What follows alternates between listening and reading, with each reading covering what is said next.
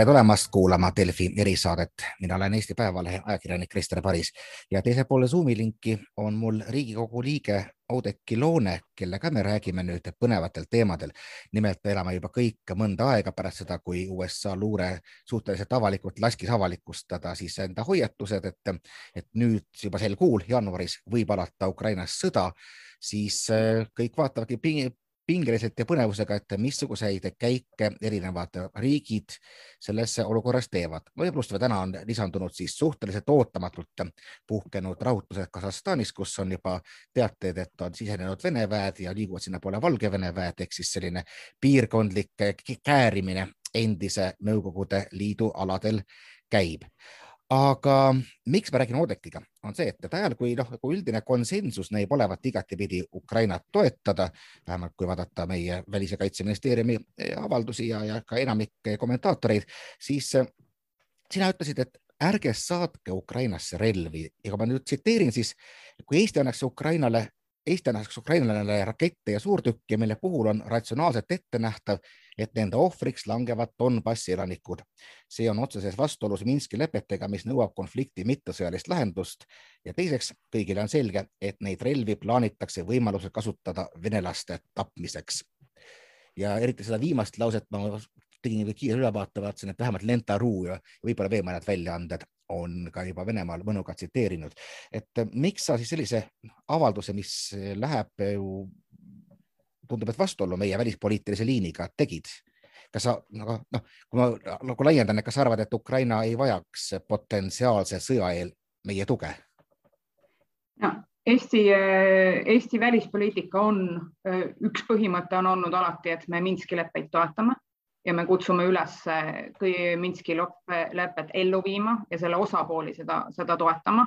seega ükski, kuigi midagi läheb vastuollu, siis on, siis on selleks suurema relvasaadetiste suurendamine ja, ja, ja mm, sedalaadi, sedalaadi relvade nagu Javelini laskemoon või, või haubitsad saatmine rõhutab vajadust konflikti kuidagi sõjaliselt lahendada ja see kindlasti ei ole Eesti välispoliitikaga kooskõlas ja ma olen kindel, et see on lihtsalt sündinud kuidagi ähm, ministeeriumi sügavustes mingisuguses kabinetis, kellel ei ole kogu ülevaadet sellest, milline, milline on tegelikult välispoliitiline situatsioon, kes vaatavad ühte, ühte väga-väga kitsast äh, kaitsepoliitilist nurka.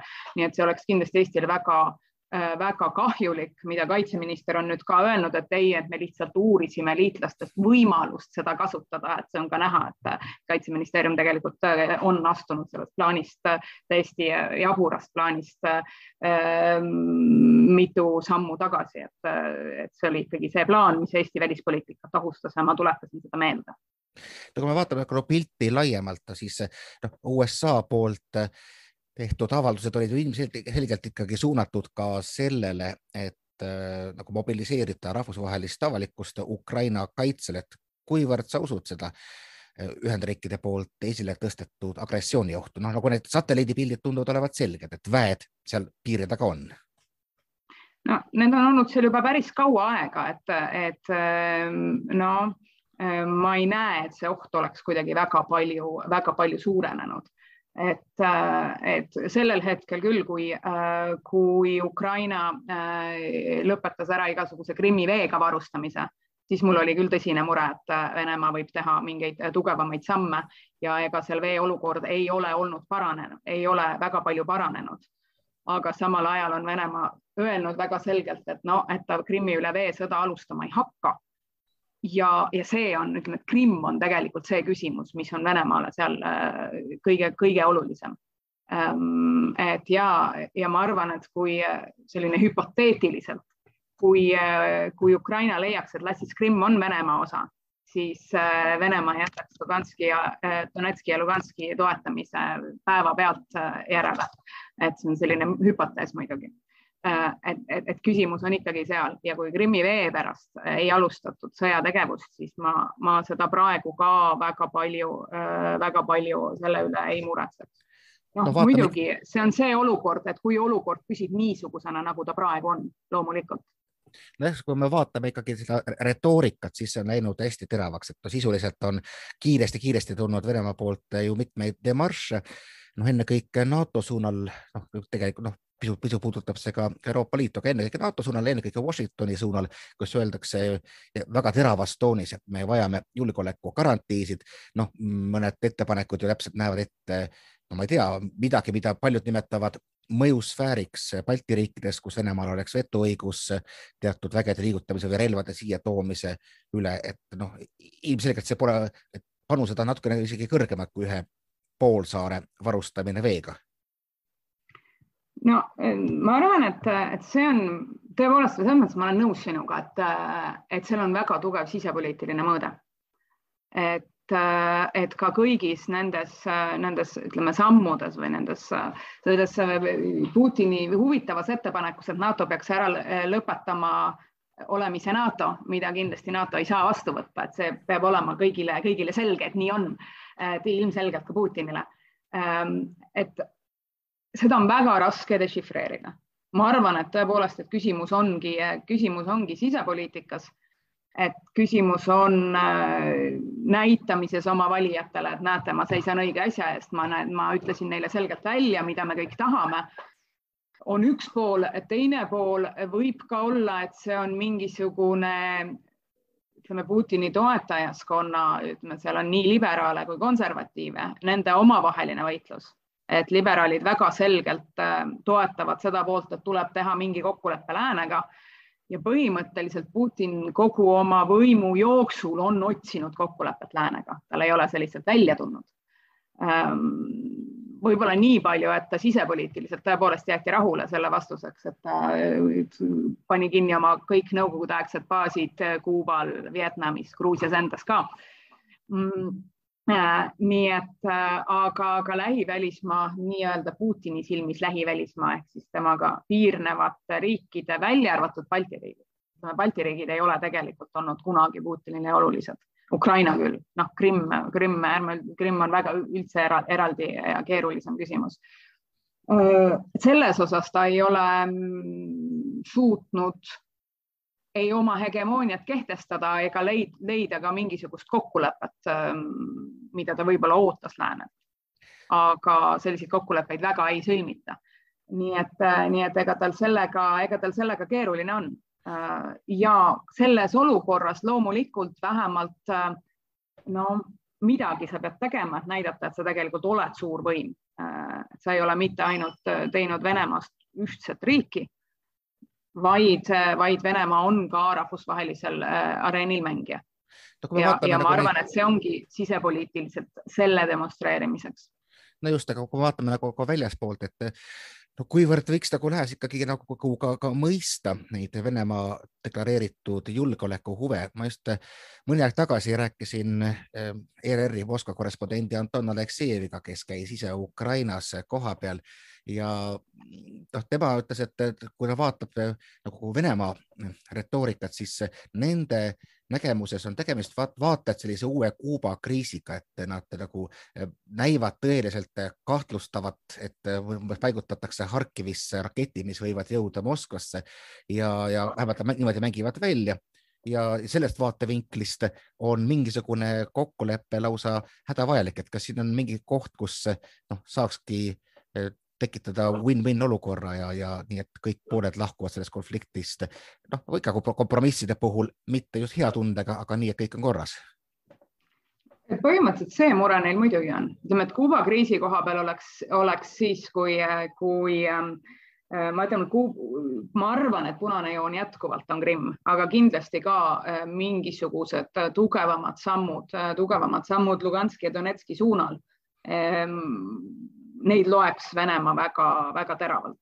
ja kui vaadata, et ta nüüd Kasahstani, Kasahstani äh, valitsuse äh, või presidendi abipalvele nüüd äh, vastas ka militaarselt, siis tõenäoliselt on ta ka Ukraina puhul äh, ilmselt äh, tõepoolest, et kui mingeid rakette hakatakse kuhugi paigutama äh,, võiks olla päris, võiks Venemaa seda võtta väga tõsiselt, et selles mõttes kindlasti läbi rääkida, läbi rääkida on tarvis ähm, no mida sealt saada saab, et kindlasti sellest saab ju ka Venemaa aru, et NATO kunagi ei ütle, ei anna välja selliseid lubadusi, et kes saab NATO liikmeks või mitte.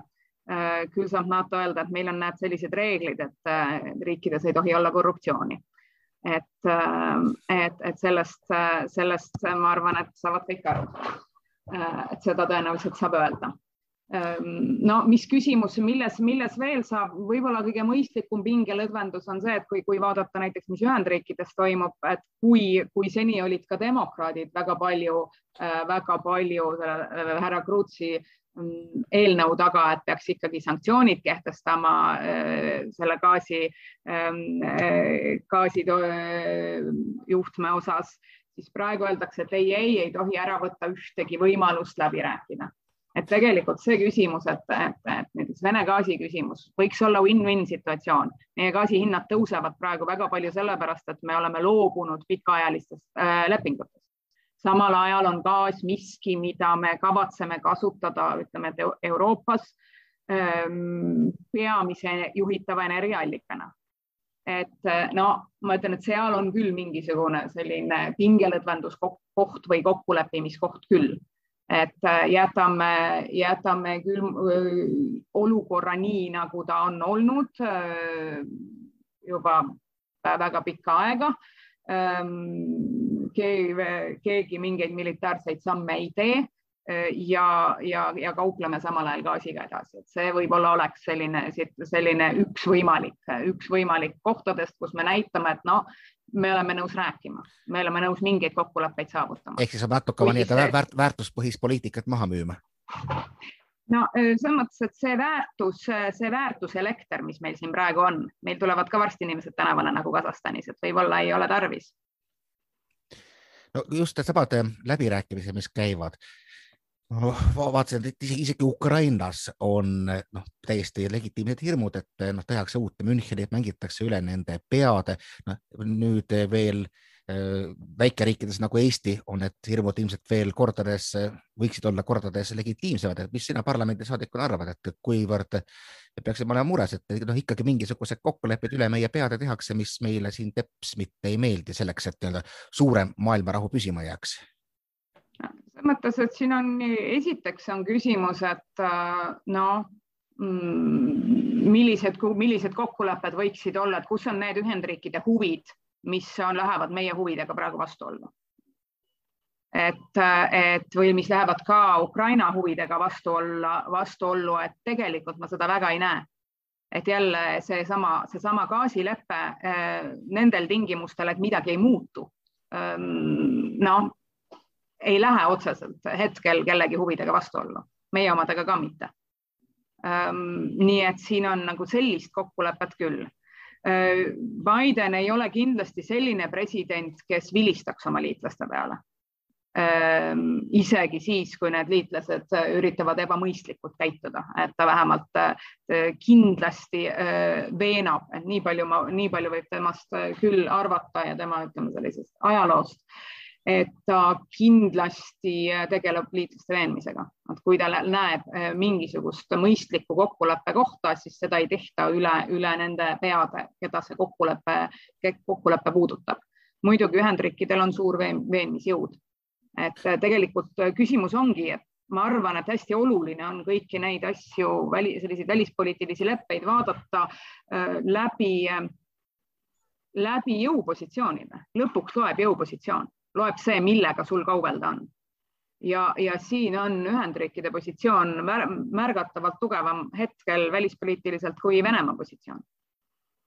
seega see küsimus, et keegi peaks, et, et selles olukorras, mis motivatsioon peaks olema Ühendriikidel oma liitlasi ignoreerida, kui ta on niigi tugevamas positsioonis mis peaks olema praegu Eesti käitumise mudel, et siin on noh, selgelt, et kuskil läbirääkimised käivad, tahaks enda seisukohti tutvustada, jõuliselt sisse saada, me saame aru, et me oleme pisikesed ja see, see, need võimalused ei ole ka väga suured. no aga siiski, me peaksime me ju midagi välispoliitiliselt ette võtma olukorras, kus meie naabruses on meie huvid siiski üsna tugevalt mängus no kindlasti see jälle, mis, mis saab olla ühe väikeriigi positsioon, on see, et, et see on selge, et Eesti peab see on tegelikult selge, et Eesti ühtegi riiki kunagi okupeerima ei hakka. Äh, lihtsalt ka äh, ükskõik, äh, ükskõik, kes meil võimule tuleb, ükskõik milline hullumeelne meil võimule tuleb, nii hullumeelne ta ei saa olla, sest tal lihtsalt seda jõudu ei ole juba sellepärast. Um, nii et ja see tähendab, et meie, mis on, mis on nagu meie positsioon, mis on ühe väikeriigi positsioon või nii-öelda väikeriigi jõud välispoliitikas, on olla, on olla mõistlik läbirääkija ja on pakkuda selli-, võib-olla ongi selline, pakkuda selliseid lahendusi, mis nagu põhimõtteliselt kõigile võiksid natukene sobida. ja see on see põhjus, miks on, miks on väga oluline, et see abi, mida me Ukrainale anname, ongi täpselt see abi, et me aitame koolitada nende ametnikke, et äh, avalik sektor oleks enam-vähem läbipaistev ja et riik toimiks oma kodanike huvides. et me, et me saadame võimaliku, ma ei, et me koolitame välja seal näiteks ka, ka, ka politseid, et milline on demokraatliku riigi politsei, millise, millised on need konstitutsionaalsed piirid, mis jõu, jõuorganisatsioonidele tehakse. Me saadame sinna arste, et me saadame, et me teeme, mida me teeme ka muuhulgas suurepäraselt, on igasugune taastusravi et see, see kooperatsioon on Ukrainaga väga hea ja peaks, peaks jät, ka jätkuma, et see on muuhulgas üks osa Eesti sellisest äh, poliitikast, mida me peaksime väga palju laiendama. et, et meie, meie taastusravi on tegelikult suurepärasel tasemel. Mm, et meie, meie positsioon saab olla rahusõlmija ja see on see, millena me peame esit-, esinema ja see on ka see nõu, mida me saame, mida me saame oma liitlastele pakkuda. Kui me läbi räägime, siis meie, meie positsioon peab olema täpselt niisugune, et meie huvides on säilitada rahu Euroopas, rahu Euroopa ja, ja see on meie eesmärk, säilitada rahu Euroopas. No kui me räägime rahu sobitajast, siis mulle tuleb kohe esimese nimena üldse meelde Martti Ahtisaari, kes on ju täiesti legendaarne. natuke, mida sa kirjeldasid, on ka selline äh, Soome positsioon, noh ometi Soome president oma nüüd aasta lõpu kõnes oli ootamatult selline nii-öelda noh, ma ütleks, et sõjakas, pigem oleks võinud oodata Eesti poliitiliselt juhtkonnalt seda, et ikkagi ka see nagu näed, et jõujooned võib-olla muutuvad, et, et, et rahu iga hinna eest ei olegi enam kõikide huvides, kui see tähendab näiteks noh, mingil määral mm, meie no mitte just liitlase, aga hea sõbra Ukraina mahamüümist no ma, ma seda Ukraina mahamüümist tegelikult ei hetkel ei näe mitte kuskilt tulemas mm. -hmm. selge. et äh, seda lihtsalt ei ole olemas. ega vist, see on pigem selline küllap, küllap ka veidikene ajalooline hirm, küll aga mida me nagu näeme, kui me vaatame ikkagi veel sinna ida poole, et noh, meie võime siin ju tahta rahu iga hinna eest. mina ei ole päris kindel, ma ei suuda tegelikult ma pole kunagi suutnud lugeda Putinit ennetavalt, ma olen suutnud alati lugeda, lugeda teda tagantjärgi.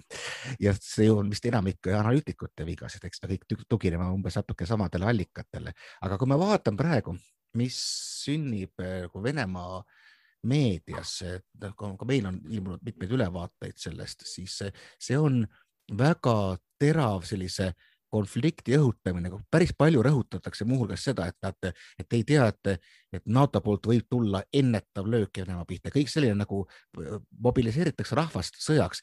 mäletan, minu meelest kuu aega tagasi midagi sellist ei olnud, ehk siis nad nagu igal tasemel tõstavad panuseid ja üks selline klassikaline teooria mobilisatsiooni kohta ütleb seda, et noh, mobilisatsiooni ei saa tagasi pöörata, et see, kui sa välja kuulutad, siis sa pead seda kasutama umbes nagu, nagu Tšehhovi püstolit äh,.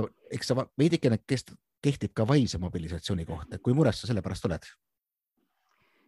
ma arvan jätkuvalt, et see on, see on äh, sisepoliitiline küsimus ja muidugi äh, igasugu, muidugi Eesti, kui, vaadata Eesti positsioonilt, siis Eesti huvides on Venemaal tugev ja stabiilne võim, sest see on etteennustatav et ähm, mm, ma arvan, et selline, see mobilisatsioon pigem, mida sa näed, noh ähm,, et see on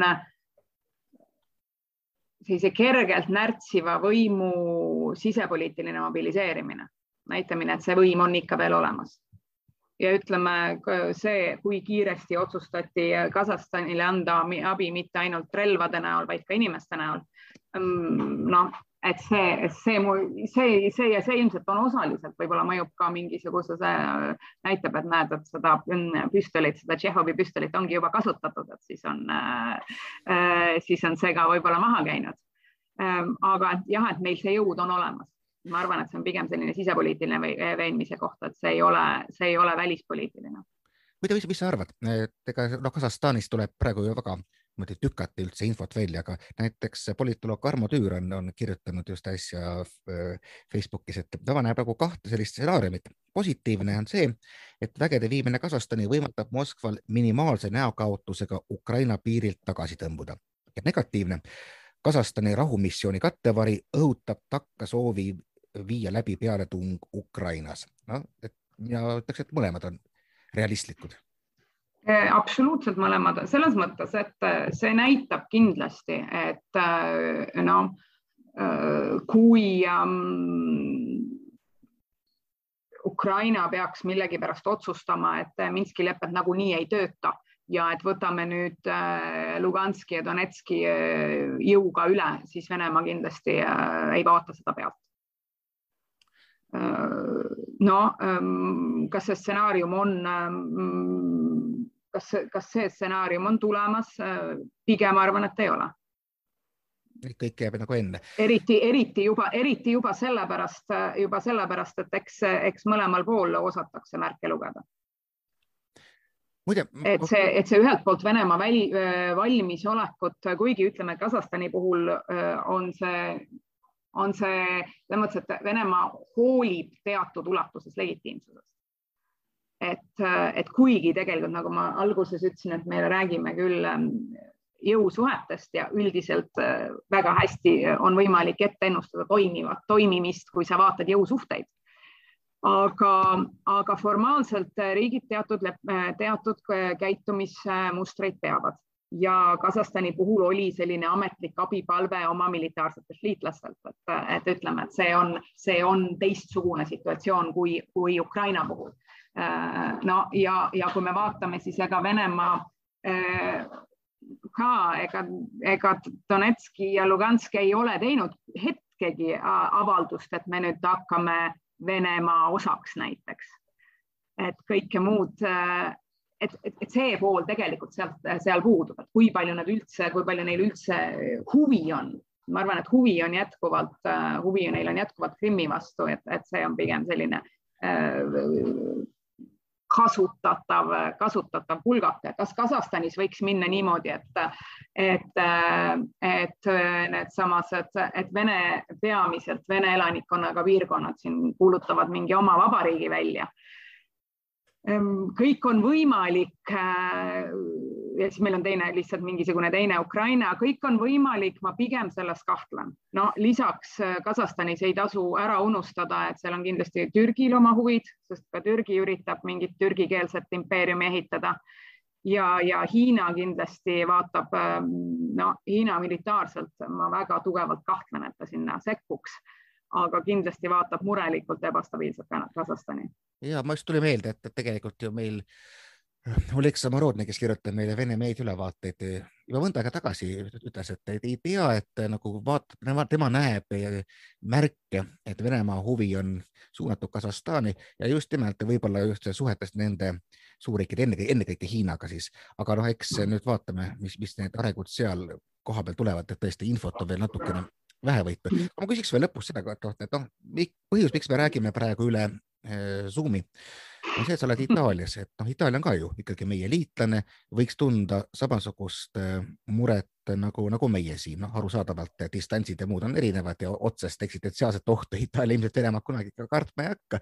aga ikkagi, et kui palju äh, seal see üldse jutuks on kõik see, mis praegu Ukraina ümber toimub Ähm, avalikkuses ähm, Kasahstan muidugi on, Kasahstan muidugi äh, ületas uudiskünnise küll, et kui tähendab, üks asi on see, mida räägitakse avalikkuses, teine asi on see, et loomulikult äh, Itaalia ähm, riigi äh, välisministeerium jälgib väga teravalt nagu kõiki küsimusi ja, ja, ja ütleme, et see pool, see pool kõrvale jättes, et avalikkuses Kasahstanist loomulikult kõneldakse aga üldiselt räägitakse Covidist, nii et, äh, nii et ütleme, see Ukraina, äh, seega noh, seda, et Ukrainas oleks mingisugune väga tugev muutus olnud, äh, seda ei tajuta. see, see, et Putin arvas, et Itaalia võiks olla selles küsimuses vahendajaks, see loomulikult ulatas ka uudiskünnise.